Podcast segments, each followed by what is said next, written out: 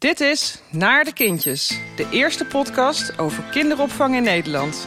Waarin elke aflevering Sandra en Meerte Madelief in gesprek met een expert op zoek gaan naar wat de beste kinderopvang is en waarom. Dat vraagt bewustzijn. En ook het bewustzijn, wat doet ertoe? Wat ertoe doet, is dat we elkaar ook als de situatie onder druk staat, dat we elkaar blijven voelen en zien. En hoe doe je dat? Ja, daar ben ik ook benieuwd naar. Ja, Daar toch? Dat was op je, op je lippen zat hij, hè? Ik zag Sandra echt zo. Ja, want dat klinkt fantastisch. Ik wil dat meteen vandaag met mijn kinderen gaan doen. Maar hoe? Rust, waarom kan dat alleen als het kind naar bed gaat? Welkom, Elisabeth de Koning. Daar zitten we weer op Landgoed Zonheuvel. En ook aan tafel uiteraard weer Sandra. Ja, Goedemorgen. goedemorgen. Fijn dat je er bent. Eh, we hebben vandaag weer een podcast. Dit is de negende aflevering in onze serie van Naar de Kindjes. Ehm, ja, en een hele bijzondere gast eh, vandaag aan tafel. Voor mij in het bijzonder, omdat ik Elisabeth al best wel een tijdje ken. Maar zij heeft ook hele belangrijke en zinvolle dingen te zeggen. Want ehm, ja, als ik kijk naar de geheime tuin, dan hebben we eigenlijk drie B's: eh, buiten, biologisch en bewust. Eh, en dat zijn eigenlijk de pijlers van de organisatie waaraan wij alles ophangen. En antroposofie is een heel belangrijk onderdeel daarvan. Maar het woord bewust gaat eigenlijk veel verder dan dat. Voor mij persoonlijk, maar ook in de organisatie. En ik denk ook helemaal in de antroposofische kinderopvang.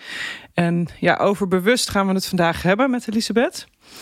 Ehm, maar goed, dat komt straks allemaal. Zou je jezelf willen voorstellen, Elisabeth? Nou, dankjewel in de eerste plaats dat ik hier bij jullie aan tafel mag zitten.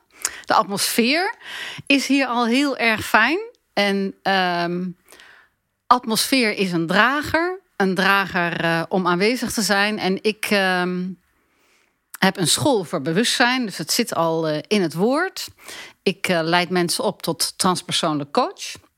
En transpersoonlijk betekent voorbijgaand aan het persoonlijke. Eigenlijk wat, zijn, wat, is, wat heeft te maken met jouw ziel en jouw hogere zelf. Nou, daar kan ik heel veel over vertellen, zal ik nu niet doen. Eh, daarnaast eh, geef ik retraites, ik geef meditatiedagen, ik geef, gaf ook individuele meditatieles. Dat doe ik nu niet meer. Ehm, en ik doe dat niet alleen in Nederland, maar ook op allerlei continenten van deze wereld. Omdat ik ook een reiziger ben. Dus ik ben een reiziger in de geest en ik ben een reiziger over de wereld. En ik vind beide ontzettend fijn om te doen. Nou, misschien is dat in het kort. Of misschien heb jij nog specifieke vragen wat je er nog meer over zou willen weten of horen. Nou, wat wel goed is om te zeggen, dat we het vandaag gaan hebben over bewust ouderschap. Dus dat we ons allemaal als mens ontwikkelen en als ouder ontwikkelen. En dat dat ook is waar we het vandaag over gaan hebben. Omdat we ja, natuurlijk een heleboel ouders ook luisteren naar deze podcast. En pedagogisch medewerkers die ja, weer in relatie met de ouders ook de kinderen opvoeden. En dat gaat, ja, wat mij betreft, echt over zelfopvoeding. Hè? Dat we onszelf op te voeden hebben om vervolgens voor onze kinderen te kunnen zorgen. Dat dat parallel gaat. En jij schrijft daar ook dingen over, want jij hebt een boek geschreven. Mhm. Misschien kan je daar iets over vertellen. Ja, ik heb het eh, boek geschreven, Het Nieuwe Zijn. En het nieuwe zijn gaat er eigenlijk over dat wij een rijk leven krijgen als we onszelf iedere keer opnieuw kunnen ontdekken. Veel volwassenen hebben een idee over wie ze zijn en zijn vervolgens eh, dat idee verder aan het uitbreiden. Maar er gebeurt iets heel bijzonders als je in ieder moment opnieuw mag ontdekken wie je bent. En dat is eigenlijk wat een kind van nature doet. Een kind ontdekt in het moment wat fijn is, wat niet fijn is. Dat je iets kan. En als je het een paar keer doet, kan je het misschien nog beter. En misschien vind je het niet interessant. Dan laat je het gelijk uit je handen vallen. En dat, is een, dat zijn fantastische eigenschappen van kinderen. Dus alleen al als een volwassene kijkt naar een kind, en het hoeft niet eens je eigen kind te zijn, maar een vrij kind, hoe dat in de wereld staat, daar kan een volwassene nog steeds heel veel van leren. Dus bewust opvoeden en het bewust kijken naar kinderen zou wel eens wederkerig heel veel kunnen brengen. En ehm, wat ik vooral benadrukt heb in het boek is dat ieder kind is een ziel. En eh, een ziel komt weliswaar in een klein lichaampje als baby hier op aarde. Maar een ziel is eigenlijk al compleet volwaardig aan de ouder. En als ouders zich gaan realiseren dat dit een volwaardige ziel is die een heel leerproces ingaat en een heel groeiproces ingaat, maar compleet volwaardig is aan die ouder, dan is dat al een zeer belangrijk begin van bewust ouderschap. Hier is een heel bijzonder wezen. En bedoel je daar dan mee, uh, Elisabeth, dat kinderen nog zo primair zijn in uh, wat ze voelen en ervaren, en daardoor dat uh, ontdekken en ervaren in het moment nog heel erg goed kunnen doen? Dat wij als volwassenen dat een beetje zijn verleerd, omdat we vooral proberen te zijn wie we denken dat we moeten zijn of die we zijn. Mm -hmm. En als we dan wat meer bewuster naar het kind en de opvoeding daarin zouden zijn, dat we daarin ook onszelf weer meer terug kunnen brengen in het ervaren en ontdekken van het moment? Zeker, zeker, zeker. Hè? Alles wat je hierin benoemt is helemaal juist. Dat, is, dat maakt eigenlijk dat het kind mij ook opvoedt. Hè? Het kind mij zegt van kijk in de spiegel en kijk hoe waardevol het leven is als je met alles van jou in het moment bent. En wat ik hiervoor benoemde van het erkennen van de ziel, er komt dus al een wezen wat een, wat een volwaardig bewustzijn heeft. Een andere invalshoek. Het kind is nog helemaal vrij, heeft geen verantwoordelijkheden, geen verplichtingen naar de maatschappij, dan alleen het leven zelf mogen leven zoals het zich aandient. Maar tegelijkertijd is daar al een enorme rijkdom in dit kind aanwezig. Ja. Dus als de ouder de aanname heeft dat het het kind alles gaat leren, um, dan slaat het wellicht over om te zien dat dit kind uniek is, net zo uniek als de volwassene zelf, alleen in een ander deel van het proces van de bewustwording aanwezig is. Ja, en het klinkt ook alsof je daarmee zegt dat uh, je het kind gebruikt om de volwassenen in het hier en nu te krijgen. Nou, je gebruikt het kind niet. Het kind is wel een mogelijkheid. Want Ja. ik denk dat een, een, wat je ziet, um, is een reminder voor jezelf van hoe mooi het is om in het nu aanwezig te Ja. zijn. En de kunst voor een volwassene is natuurlijk, als je bewust leeft, hoe kan ik en in het nu zijn. En ik heb verantwoordelijkheden die ik tegelijkertijd uitoefen. Ik ben bijvoorbeeld en ouder en ik heb een baan. eh, en ik heb een zieke moeder waar ik wekelijks naartoe ga. Er zijn voor een volwassene een heleboel dingen die de vraag neerleggen om te multitasken. En hoe kan ik dat op een bewuste wijze doen? Ja, en als jij dit zo zegt, dan moet ik ook denken aan eh, mijn ervaring van eh, nu inmiddels bijna twee jaar in de antroposofische kinderopvang. En soms dan eh, leg ik uit van wat ik het verschil vind tussen reguliere opvang en antroposofische opvang.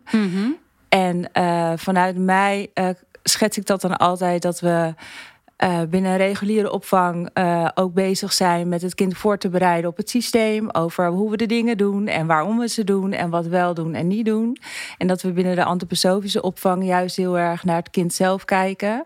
En proberen het kind zichzelf te laten ontdekken, de wereld te laten ontdekken. Zodat het later sterk genoeg is om zijn eigen keuzes te kunnen maken. In hoeverre het wel of niet. En dat is, ja, sluit mooi aan op wat jij nu ook zegt. Zeker. Ja. Jullie hebben een hele bewuste benadering. En jullie zien dat het bewustzijn en de emotionele groei van het kind vele malen belangrijker is dan voorbereiden op een systeem. Eigenlijk is bewuste opvoeding heeft ook heel veel te maken met hoe hou ik een kind buiten een systeem. Want een ja. systeem hoort er alleen maar dragend te zijn. En veel systemen zijn bepalend en worden kinderen, maar ook volwassenen, worden dienaren van een systeem. Terwijl een, een systeem behoort er eigenlijk alleen te zijn als het strikt noodzakelijk is. En dan om te dragen wat het hoger doel is van een organisatie. En niet andersom.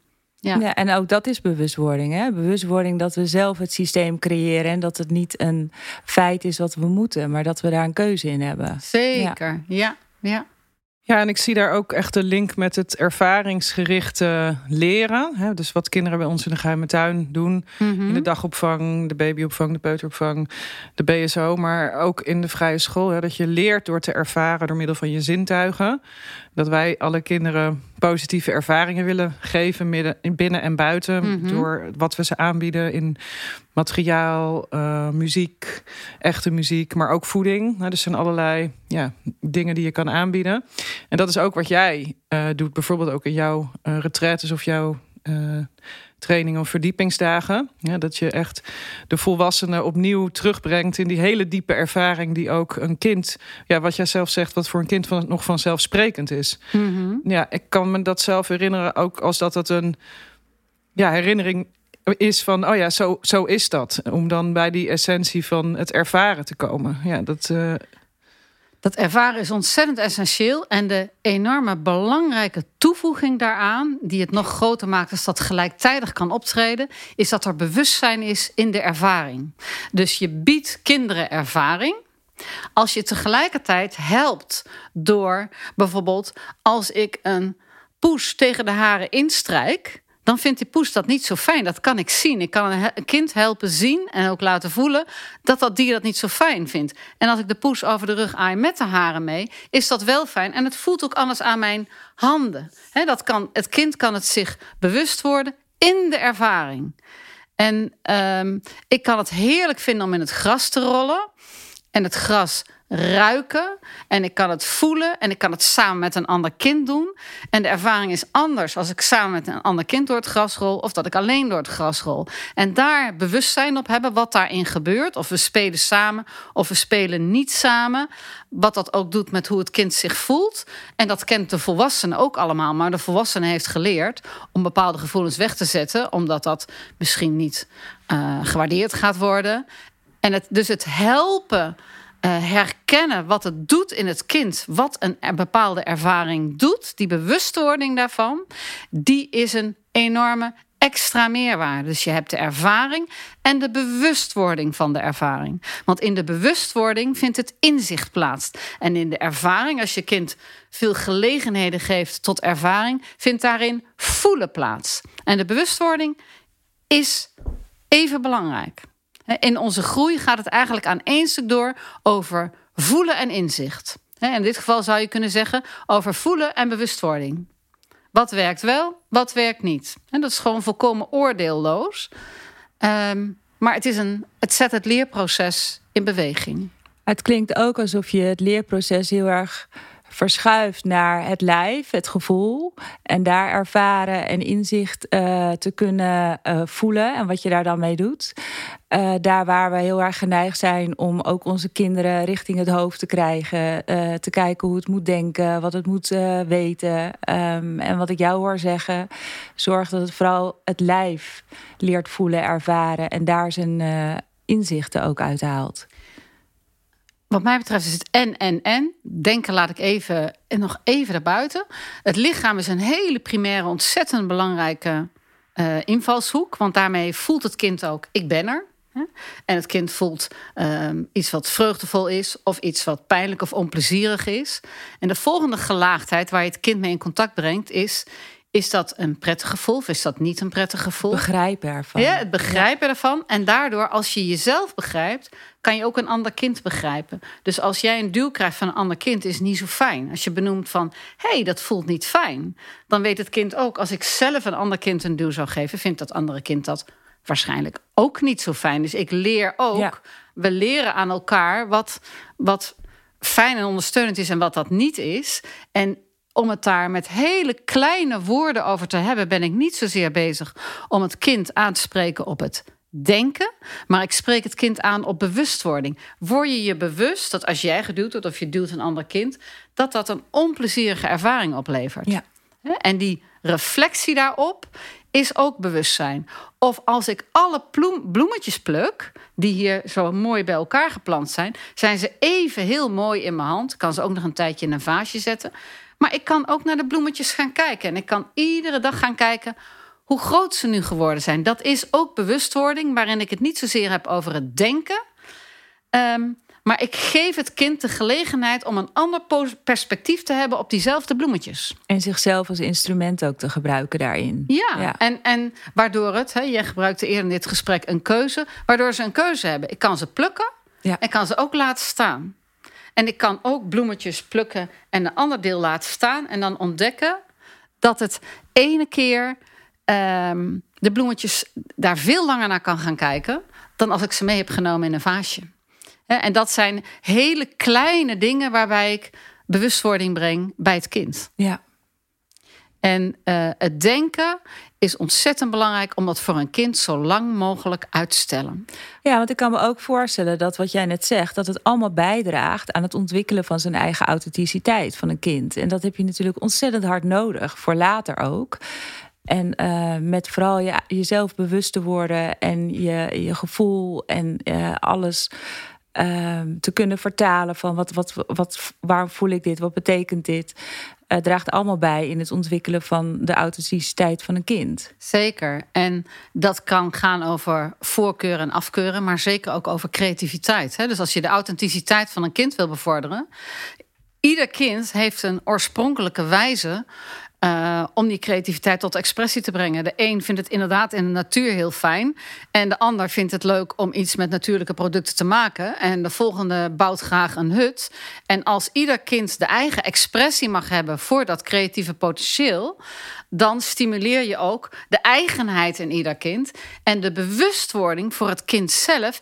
Hey, er is iets waar ik heel blij van word. Als dat gestimuleerd wordt door de omgeving, krijgt het kind al op hele jonge leeftijd bewustzijn over waarin het graag tot expressie komt. En dat het ook heel bijzonder is dat al die kinderen allemaal hun eigen wijzes hebben waarop ze graag tot expressie komen. Ja. Ja, dat is mooi wat je zegt. Want ik zit dan, als jij dat vertelt, te denken over hoe we dat terugzien dan in onze kinderopvang of in de vrije school. Dat is onderdeel van het vrije spel, hè, waarin je doordat je ze vrijheid geeft om te spelen binnen mhm. een bepaalde context, binnen een ruimte. Uh, stimuleer je dat. Hè? Dus het stimuleren is altijd eigenlijk een gek woord. Want het is eigenlijk de vrijheid die het kind geeft om het zelf te ervaren. Maar dat is wel het stimuleren. Dus dat je, we hebben het ook wel eens eerder over gehad, volgens mij met Louise Berghout. Dat je je handen ervan afhoudt. Mhm. Dat je even op je handen gaat zitten en je mond dicht houdt. En een kind ja, gewoon de vrijheid laat om dat onderzoek te doen van waar word ik nou blij van. Ik, ik zie daar ook wel heel veel voorbeelden van bij ons. Eh, ik weet dat toen ik net binnenkwam, ik me verbaasde dat alle, al die kleine kinderen uh, yoghurt uit bakjes aten. En uh, dat het één grote smeerboel was. En dat me toen verteld werd van ze mogen ervaren dat wanneer ze uh, aan het eten zijn, dat alles onder mag zitten waar je geneigd bent om het allemaal netjes in de mond te doen, zodat er zo min mogelijk kliederzooi komt. En de moestuinen die we hebben waar ze vrij in mogen bewegen. En ja. waar we niet ze beperken in wat ze wel en niet mogen. En als ze 18 zijn, dan eten ze wel met mes en vork hoor. Ja. ja. Wel, belangrijk om even te zeggen, denk ik. Kunnen ze dat? Ja, dan kunnen ze dat. Hebben de keuze om het te doen. Precies. Ja. ja. Ja, dat is mooi ook, Elisabeth, wat je zegt over die keuze. Uh, dat je de keuze hebt, dat je bewust bent dat je iets kan doen of iets kan laten. Is dat ook wat het bewust ouderschap brengt? Of wat, wat brengt het nog meer? Het bewust ouderschap betekent. Je kan eigenlijk alleen een bewuste ouder zijn als er bewustzijn is op je eigen aanwezigheid.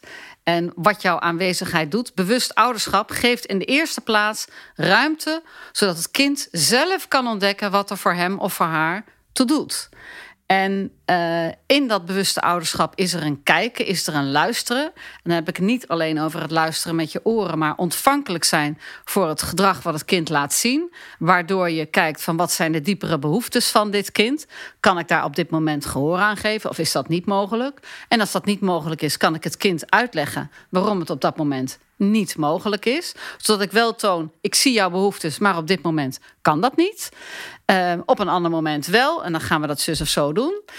Um, en die zelfreflectie die maakt ook dat opvoeden niet is... ik help dit kind om groot te worden... en iedere keer als het kind wat letterlijk fysiek wat groter wordt... krijgt het nieuwe kleren en het krijgt drie keer per dag te eten. En dan, dan zit ik eigenlijk in het systeem van wat ik bedacht heb voor mijn gezin. En ook in een gezin. En dat, dat vraagt om veel bewustzijn. Dat kinderen vinden het ochtends stressvol. Al die kinderen moeten op tijd ergens naartoe. Dus dan is het het handigste om een systeem te hebben. Want dan heb ik die kinderen zo snel mogelijk op de plek waar ik ze straks naartoe ga brengen. Maar kan ik en kijken wat dragend is om op tijd, op tijdstip X, bij de locatie te zijn waar ik mijn kind naartoe breng. En kan ik gelijktijdig volledig in het nu voelen waar mijn kind is. Dat kan ik alleen als ik ook voel waar ik zelf ben. En de kwaliteit in het contact tussen mij en het kind in stand houden. Terwijl we in een relatief korte tijd een aantal handelingen zijn aan het verrichten zijn om het kind op tijd op school of op de opvang te brengen. En dat vraagt een enorm bewustzijn van de ouders. Want anders zie je geïrriteerde ouders, niet omdat ze zo geïrriteerd zijn op hun kind, maar de tijdspanne zorgt ervoor dat die ouder staat onder druk. En dan kan het de ouder die bewust is, kan zeggen: Goh, lieve schat, op dit moment, ik voel, eh, mama staat helemaal onder druk. Eh, we gaan even uitademen hoor, we gaan even uitademen. Nou, dan ga je met je kind uitademen. Dan kan je allebei even lachen. En dan gaat toch die jas aan en die handschoentjes. En dan zit je samen op de fiets. Dat vraagt bewustzijn. En ook het bewustzijn, wat doet ertoe? Wat doet ertoe? Wat ertoe doet, is dat we elkaar ook als de situatie onder druk staat, dat we elkaar blijven voelen en zien. En dat als het even scheef gaat, dat we dat benoemen. Waardoor het kind meekrijgt: oh, als iets anders gaat, kan je benoemen naar elkaar: het gaat anders. Ik kan s'avonds met het kind bespreken: weet je, als wij iedere keer pas om half acht opstaan, hebben we maar een half uur om alle dingen te doen. Wat vind jij? Wat zou jij kunnen bedenken? Je betrekt het kind en het kind zegt misschien: zullen we eerder opstaan? Of het kind zegt. Nou, het kind komt met een voorstel. Je kan een kind al heel jong meenemen in hoe iets anders aangepakt zou kunnen worden, zodat het voor alle partijen fijn is. dus het, het in het nu blijven terwijl je een serie taken verricht is ontzettend van belang. Want het kind zelf zit eigenlijk in het nu en voelt niet de pressie die de ouder voelt van je moet nu dit, je moet nu dat. kind denkt gewoon die boterham is heel lekker, daar wil ik wat langer over doen. Of, of de eh, boterham is niet lekker, ik wil hem niet eten. Of ik wil hem niet eten en mama zegt je moet hem wel opeten. Um, dus je komt in iets terecht wat niet voor het kind in ieder geval niet essentieel is. De ouder vindt het essentieel, maar het kind niet. Als de ouder het bewustzijn heeft dat dat aan de hand is, kan er op een andere manier kan die ouder zich verhouden met wat zich voordoet. Maar nogmaals, dat kan alleen als de ouder ook in het nu is. En hoe doe je dat? Ja. Daar ben ik ook benieuwd naar. Ja, toch? Dat was op je, op je lippen zat hè? ik zag Sander echt zo. Ja, want dat klinkt fantastisch. Ik wil dat meteen vandaag met mijn kinderen gaan doen. Maar hoe? Nou, dat hoe is dat, dat begint wellicht op een rustig moment. aan jezelf vragen om midden in een stressvolle situatie eh, dat toe te passen. Terwijl ik nog niet geoefend ben om dat toe te passen. Dus ik zou kunnen beginnen met: ik vraag van mijzelf om. Uh, twee keer, twee minuten per dag, niet meer, gewoon eens naar mijn eigen ademhaling te luisteren. En dan, terwijl ik er naar luister, voel ik hem ook in mijn lijf. Terwijl ik mijn voeten plat op de grond heb. Je kan zelfs nu, heb je je voeten plat op de grond. Voel, ja, je doet het gelijk nu. Ga nou, dan ga je dat gelijk nu doen. Je merkt al gelijk, je gaat verzitten. Dus er komt, als je je voeten plat op de grond hebt, komt er lichaamsbewustzijn. In het nu zijn gaat niet zonder lichaamsbewustzijn. Voeten plat op de grond, voelt anders. Oké, voel ik mijn ademhaling? Nou, moet ik even, misschien ik wel even mijn ogen dicht. Voel ik mijn ademhaling? Ja, ik voel mijn ademhaling. Stel je voor, mijn ademhaling zit heel hoog. Dan weet ik eigenlijk zeker, ik zit in mijn hoofd. Ik ben me zorgen over het maken, over van alles en nog wat. Als ik mijn lichaam ga voelen, ik ga mijn ademhaling voelen... dan gaat mijn ademhaling gaat automatisch zakken. Dat hoef ik niet eens te sturen, dat gaat gebeuren. Um, dus lichaamsbewustzijn is ontzettend van belang. Dan gaan we terug naar die stressvolle ochtendmoment. En ik voel, ik sta onder spanning. Ik, ben, ik begin geïrriteerd te worden. Want het gaat niet zoals ik bedacht had dat het toch eigenlijk het beste was. En ik vraag aan mezelf: voel ik mijn lichaam? Dan waarschijnlijk als ik gestrest ben, voel ik spanning in mijn lichaam. Ik voel dat mijn ademhaling hoog zit. En dan kan ik even een rondje om me afmaken. Of ik kan zelfs even gaan zitten te midden van dat het toch echt veel te druk is en ik nog maar veel te weinig tijd over heb, ga ik toch even zitten. En voel ik, en niet twee minuten, want dat is veel te lang in die context. Bovendien zijn die kinderen van alles nog wat om aan het doen om mij heen. Maar ik voel twee keer mijn ademhaling. Dan is er gelijk een mind switch. Want jouw bewustzijn komt binnen. Iemand die gestrest is, zit in haar of zijn hoofd. Dat is het kenmerk van stress. Je hebt je lichaam verlaten, je zit in je hoofd en je zegt: het gaat niet zoals het moet gaan. En je zegt: het gaat over de tijdspannen en de tijdspannen, ja. En bewustzijn en tijd kunnen eigenlijk niet samen. Als ik de nadruk leg op tijd, verdwijnt mijn bewustzijn naar de achtergrond gaat de manager in mij gaat aan.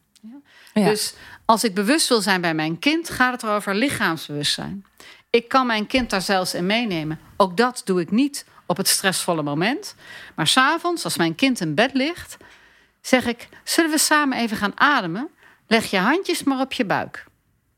Kan je voelen dat je buik een beetje omhoog gaat als je ademhaalt? Vindt een kind fantastisch. Ja. Oh, en mama, kom je even naast me liggen? Ja, ik kom even naast je liggen. Allebei de handen op de buik. Ademhalen.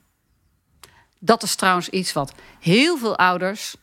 Als je het fijn vindt, als je het niet fijn vindt, doe je het niet. Maar als je het fijn vindt of je wilt uitproberen. Je doet dit iedere avond voordat je kind gaat slapen. Is een absoluut geschenk aan je kind. Want je nodigt je kind uit om in dat lichaam te komen met bewustzijn. Want er is die vraag: voel je je adem, voel je je buik? Als je je handen op je buik legt, voel je dat het beweegt. Als de buik van het kind niet zou bewegen, zit het kind ook hoog met haar of zijn ademhaling. Is het een verademing? Dat woord hebben we niet voor niks. Een verademing om te voelen van.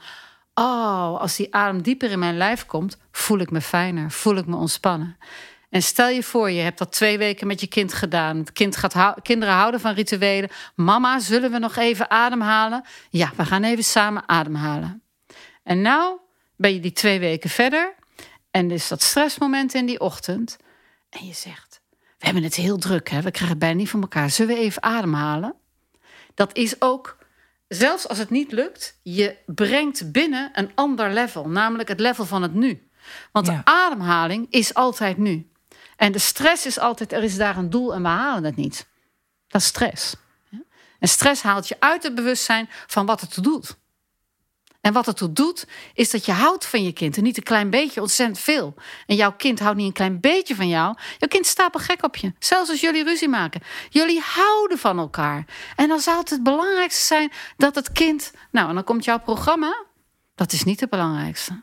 Dus het voelen van die adem is weer voelen wat het toe doet. Ik voel mijn eigen lijf voor mijn lijf van mijn kind. Ik hou van mijn kind.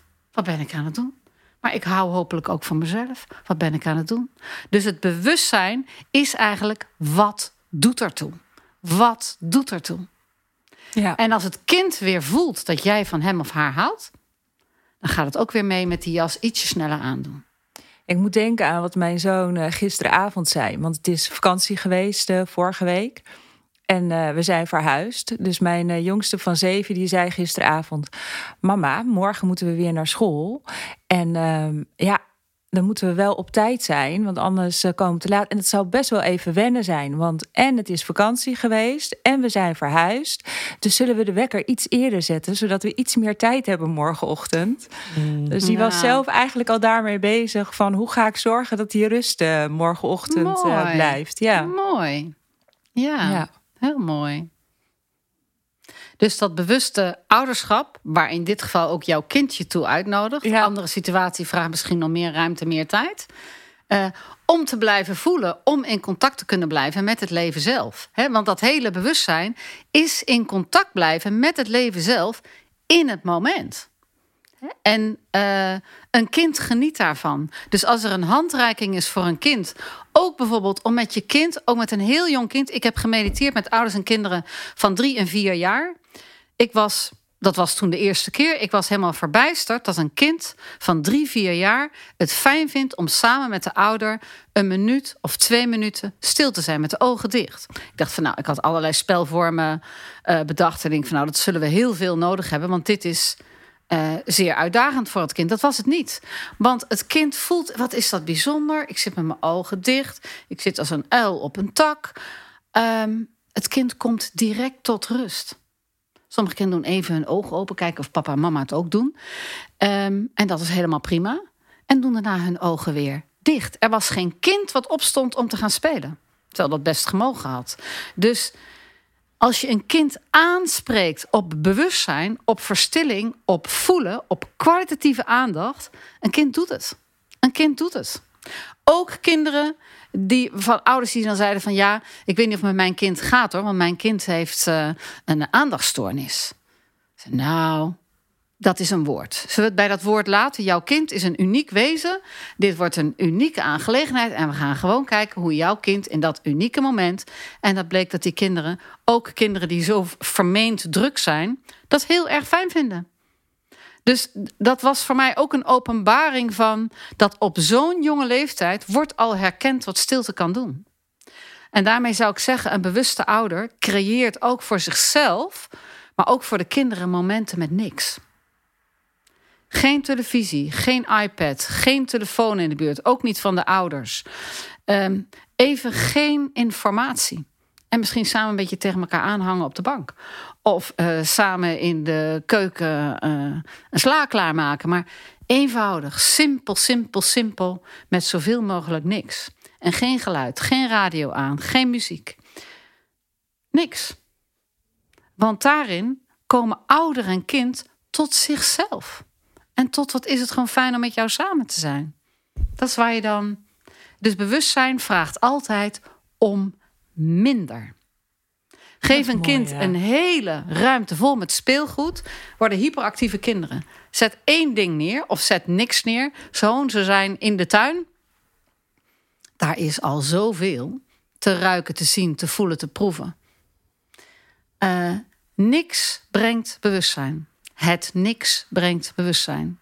En een teveel aan input maakt kinderen, maar ook volwassenen, onrustig en zet de onjuiste impuls neer dat hoe meer er gebeurt, hoe leuker het is. En die is gelukkig niet waar. Ja, maar dat is wel een heel veel gemaakte vergissing in onze maatschappij. Klopt. Ja. Ja. Dus jij zegt het is gelukkig niet waar. En ik weet het is gelukkig niet waar. Maar het, is wel een, een. Nou, ik weet niet.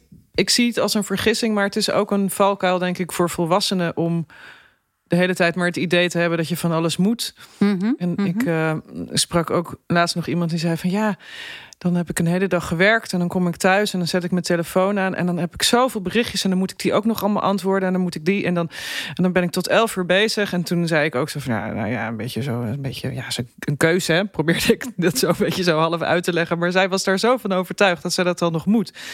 Ja, dat echt heel lastig, lastig voor haar, een vrouw van 30 dacht ik, ja, maar dat hebben we eigenlijk allemaal. Dat, ja, dat is dan de vergissing, noem ik. Hè? Dus dat is wel waar we ook de ouders, ook van onze kinderopvang, de hele tijd mee te maken hebben. Ook weer het systeem, hè? Ja, dus ouders hebben allebei een baan. En anders uh, hebben ze in ieder geval, nou niet allemaal, maar meeste dan geen kinderopvang. Dus het is ook een dienst voor ouders, zodat ze aan het werk kunnen. En die zijn de hele tijd bezig. En dat zie ik ook om me heen.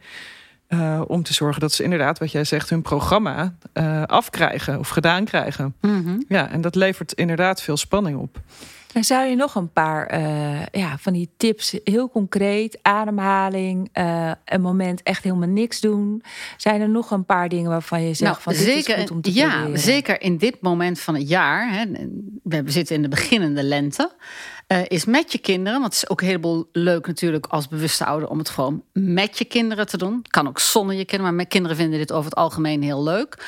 Um, blote voeten en even in de tuin op het gras. En als je geen tuin hebt, het park, blote voeten op het park. En dan zou je zeggen, nou, het is te koud en het vriest s'nachts. En... Maar er, is een enorm welzijn. Het is eerst koud en dan wordt je lichaam aangesproken... en dan worden je voeten worden heel snel warm. Dus ook voor kinderen vinden dat een fantastische sensatie. Dan kan je ook uitleggen, schaapjes, die gaan ook liggen... die krijgen het niet koud als ze op het gras liggen. Er gebeurt iets anders in je lichaam... als je eigenlijk de directe relatie met de natuur toestaat. Hè? En... Um, dus, dus dat is heel fijn. Stil zijn is heel fijn. Um, de taken die je hebt, die eenvoudig zijn als volwassene, bijvoorbeeld de was opvouwen, is een eenvoudige taak. Wat gebeurt er nou als je geen muziek aanzet, geen uh, televisie aanzet, geen uh, externe dingen, geen lijstjes in je hoofd gaan maken dat als je dit af hebt, dat je dan maar je volledige aandacht hebt bij het opvouwen van de was. Dan wordt het opvouwen van de was wordt in één keer heel fijn, Ja. want je hebt de ruimte om te voelen hoe ben ik er eigenlijk aan toe. Ja. En als ik stel je voor, ik ontdek, ik ben hondsmoe. Als ik eerlijk ben, ik ben zo moe. Dan kan ik zeggen, ik ga eerst 10 minuten op de bank liggen. Dat mag van mezelf. Ik zelfzorg. En dan ga ik verder met het opvouwen van de was. Ja. Um, want, en dat is ook wat je je kind gunt. Op momenten dat er voldoende rust en veel minder impuls is, heeft het kind de ruimte om te voelen hoe het met hem of met haar gaat. En waarom zijn er die, die gesprekjes voor veel ouders s'avonds als je kind in bed ligt zo ontzettend fijn? Mama is klaar met, of papa is klaar met alles wat er allemaal moest. Het kind is standig gepoetst, pyjamaatje aan, ligt in bed. Dus het is een Rust. kwaliteitsmoment Ja. omdat er rust is. Ja. Ja. Eigenlijk niet specifiek omdat dit kind naar bed gaat. Ja, het is het moment dat het gaat slapen en et cetera. Maar als ik merk wat daar gebeurt, waarom kan dat alleen als het kind naar bed gaat? Waarom gun ik mijzelf en dat kind dat niet ook op een ander moment? Ja. Welk, welk moment zou Ja. dat kunnen zijn? Heb ik het bewustzijn zo openstaan dat ik herken welk moment dit kan zijn dat ik even echt met haar of met hem kan zijn? Ja, en dat moet je jezelf ook gunnen. Dat hoor ik jou ook zeggen. Ja, maar het is eigenlijk de momenten van niet doen. Hè? Want niet het kind en jezelf niet meenemen in een actie. Dat zijn de kwaliteitsmomenten in je leven. Dat zijn de momenten waarop je je bewust wordt hoe het met je is. eh, hoe het met je kind is. Hoe het met jullie samen is. Dat is het moment om misschien even iets te benoemen. Wat alsmaar niet aan bod komt.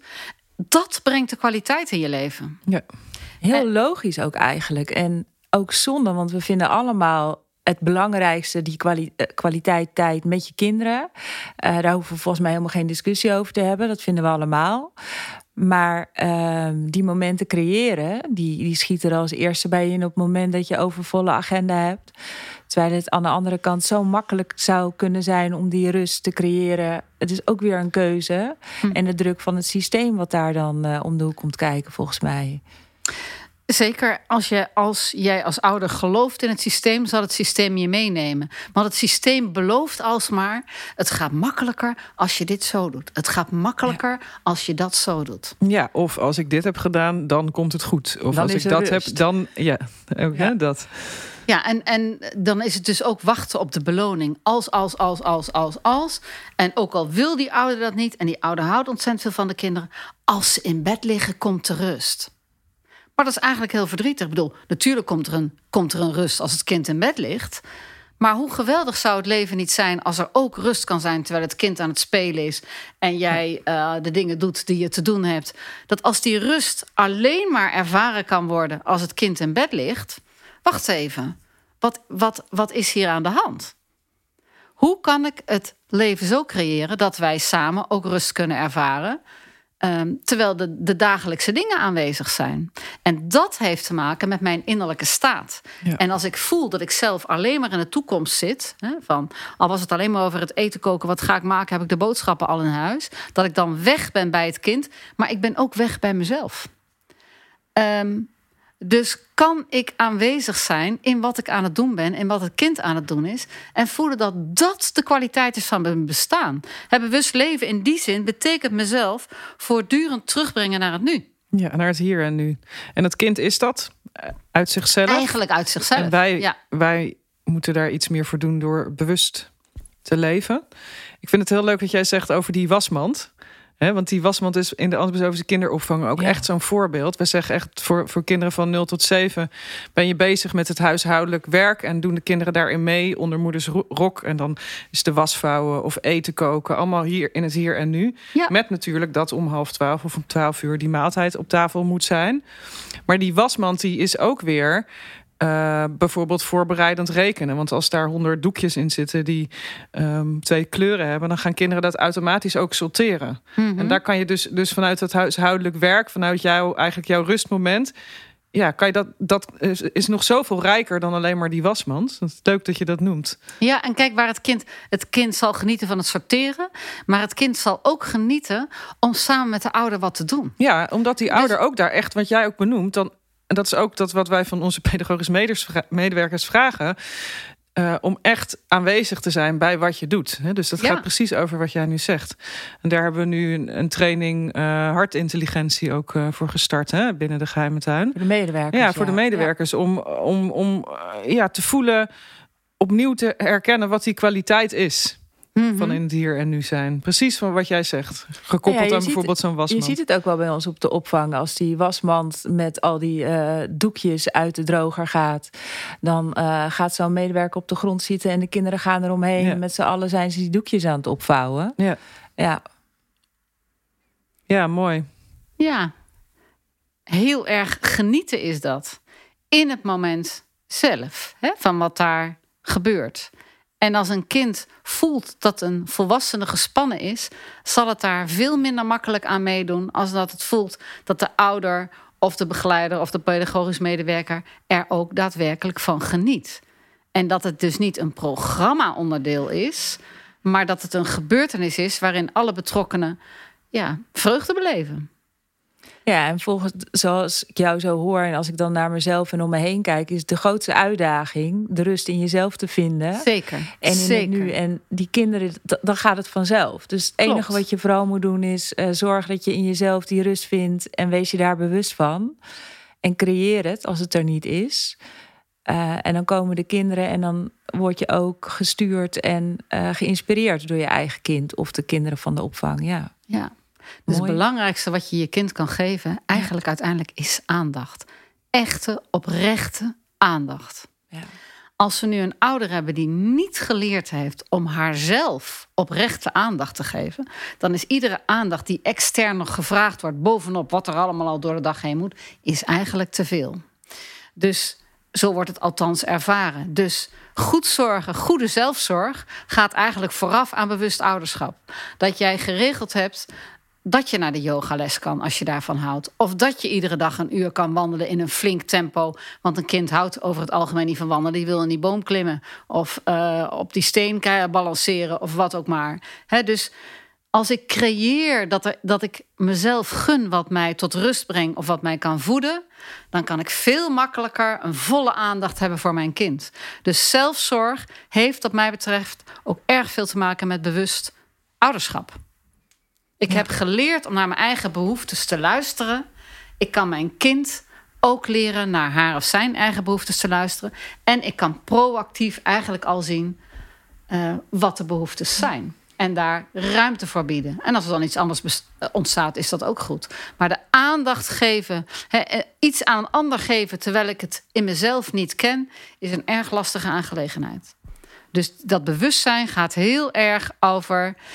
Uh, dat de aandacht is, blijft eigenlijk ook in mezelf, in mijn eigen lichaam, terwijl ik afgestemd ben op de ander. Want mijn lichaam is ook een waarheidsbevinder. En dat kan je het kind ook uitleggen. Als een kind ochtends zegt: Mama, ik heb zo'n buikpijn, ik wil niet naar school. Soms heeft het kind daadwerkelijk buikpijn en is, heeft het misschien iets verkeerds gegeten of wat. Maar 9 van de 10 keer heeft het helemaal geen buikpijn omdat het iets verkeerds heeft gegeten. Het zegt gewoon: Mama, ik voel me niet zo lekker en uh, ik ben emotioneel gezien uit balans. En daarom vind ik het spannend om naar school te gaan. Een ouder die dat begrijpt, die zal het gesprek aangaan van. En dan blijkt bijvoorbeeld dat het kind de dag daarvoor ruzie heeft gehad met het beste vriendinnetje of iets, waardoor het spannend is om opnieuw naar school te gaan. Ja. Als, je dat, als je die relatie voor dat kind legt van: hé, hey, jouw buik is zo ontzettend lief, die vertelt eigenlijk dat je je niet zo lekker voelt. Maar het, het, het, je voelt het in je lijf, maar het gaat over veel meer dan je lijf. Dat kan alleen die ouder zeggen die zelf weet: ik krijg pijn in mijn buik als ik iets spannends ga Ja. doen. Ik ken die ervaring. Dus die, dat, dat blijven voelen of serieus nemen dat je zelf voelt: hé, hey, dat kind voelt zich niet zo lekker. Het kind geeft het niet aan in dit geval. Maar jij voelt, ze voelt zich niet zo lekker. Of hij voelt zich niet zo lekker. En dan kan je daar al van: goh, ik heb het idee dat. Klopt dat? Zo leer je het kind ook voelen dat het lichaam aangeeft ehm, dat er misschien iets speelt wat aandacht kan hebben. Ja, sluit ook wel aan bij uh, onze kerncompetenties, wat we vragen van onze medewerkers. Ja, die zelfzorg is ook weer zo belangrijk. Zelfliefde, zelfreflectie. Ja. En het raakt ook eigenlijk een aloude gezegde van je kan pas van een ander houden als je van jezelf houdt. Dat uh, gaat er eigenlijk ook allemaal over. Ja, en er zit volgens mij nog een, een stukje voor dat bewust ouderschap is ook zelfopvoeding. Want je hebt natuurlijk zelfzorg. Voor mij gaat het heel erg over inderdaad dat je doet wat je leuk vindt, dat je op tijd naar bed gaat, dat je uh, gezond eten hebt, dat je voldoende bewe beweging hebt, dat je fijne sociale contacten hebt, zeg maar in dat gebied. Maar zelfopvoeding gaat volgens mij voor mij ook echt over dat je ja, tot bewustzijn komt, hè, waar jij het net ook over mm -hmm. had, uh, tot inzicht komt. Want dat is natuurlijk wel iets wat wij als volwassenen ja, te leren hebben.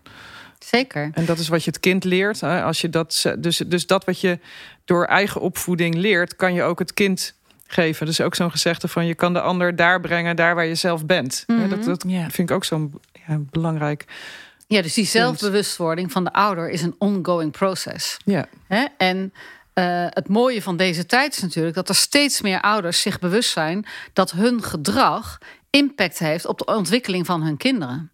En uh, als dat bewustzijn zich verder en verder ontwikkelt, dan krijgen we niet meer dat ouders hun opvoeding die ze zelf hebben ontvangen, hun ouders gaan herhalen.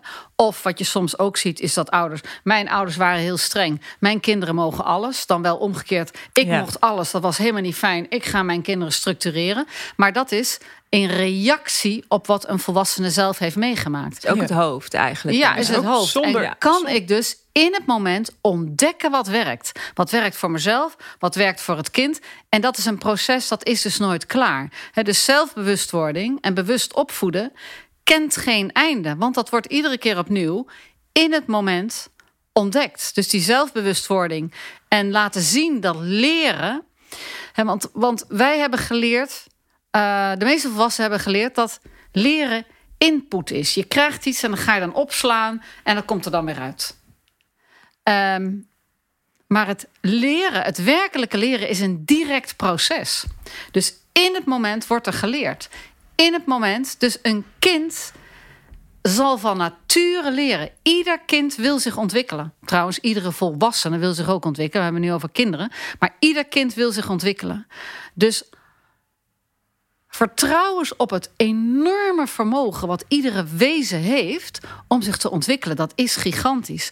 Dus als daar te veel structuur op staat en te veel input in is, gaan de volwassenen eigenlijk bepalen en wat leren is, maar ook wat er geleerd zou moeten worden. En uh, natuurlijk zijn er een aantal structurele dingen die je aanbiedt, maar als je een kind het zelflerend vermogen laat, eigenlijk laat ontdekken wat het al kan, en dat leren zo ontzettend vreugdevol is, dan gaat dat leerproces op een hele andere manier ontstaan. En dat heeft heel veel te maken met zelfbewustwording, ook van die volwassenen. En dat hij ook ontdekt van hé, hey, ik ben nog steeds in ieder moment aan het leren.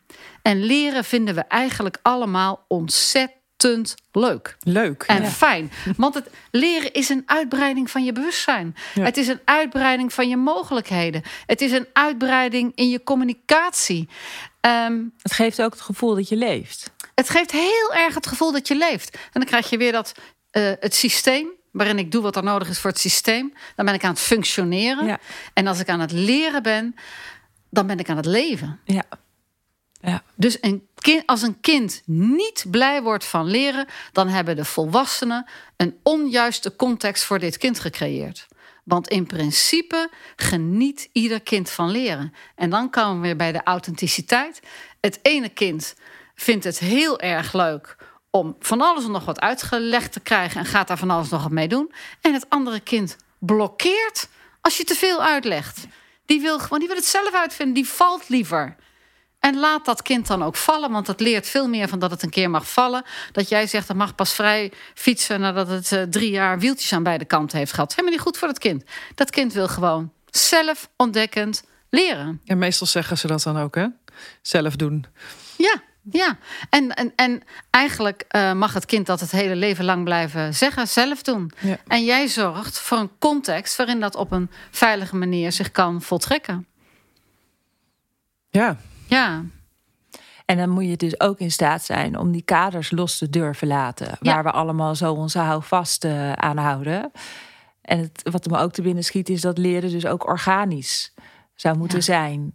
Zeker. En als je één keer iets hebt geleerd, wil niet zeggen dat je dat dus de rest van de, de komende twintig jaar op die manier moet doen. Maar elke keer kijken hoe je op dat moment weer kunt leren en er het maximale uit kunt halen. Dat is dus het wat mij betreft het nieuwe leren. Het nieuwe leren en het nieuwe zijn is dat leren is niet statisch. En alles wat je statisch maakt van leren... en daarom zijn lesboeken ook een hele ingewikkelde aangelegenheid. Ja, dat willen we wel heel graag ja, statisch maken. Kijk, het, we hebben tools nodig, maar die dienen het hoger doel... dat een wezen vol tot employ kan komen in wie hij of zij is.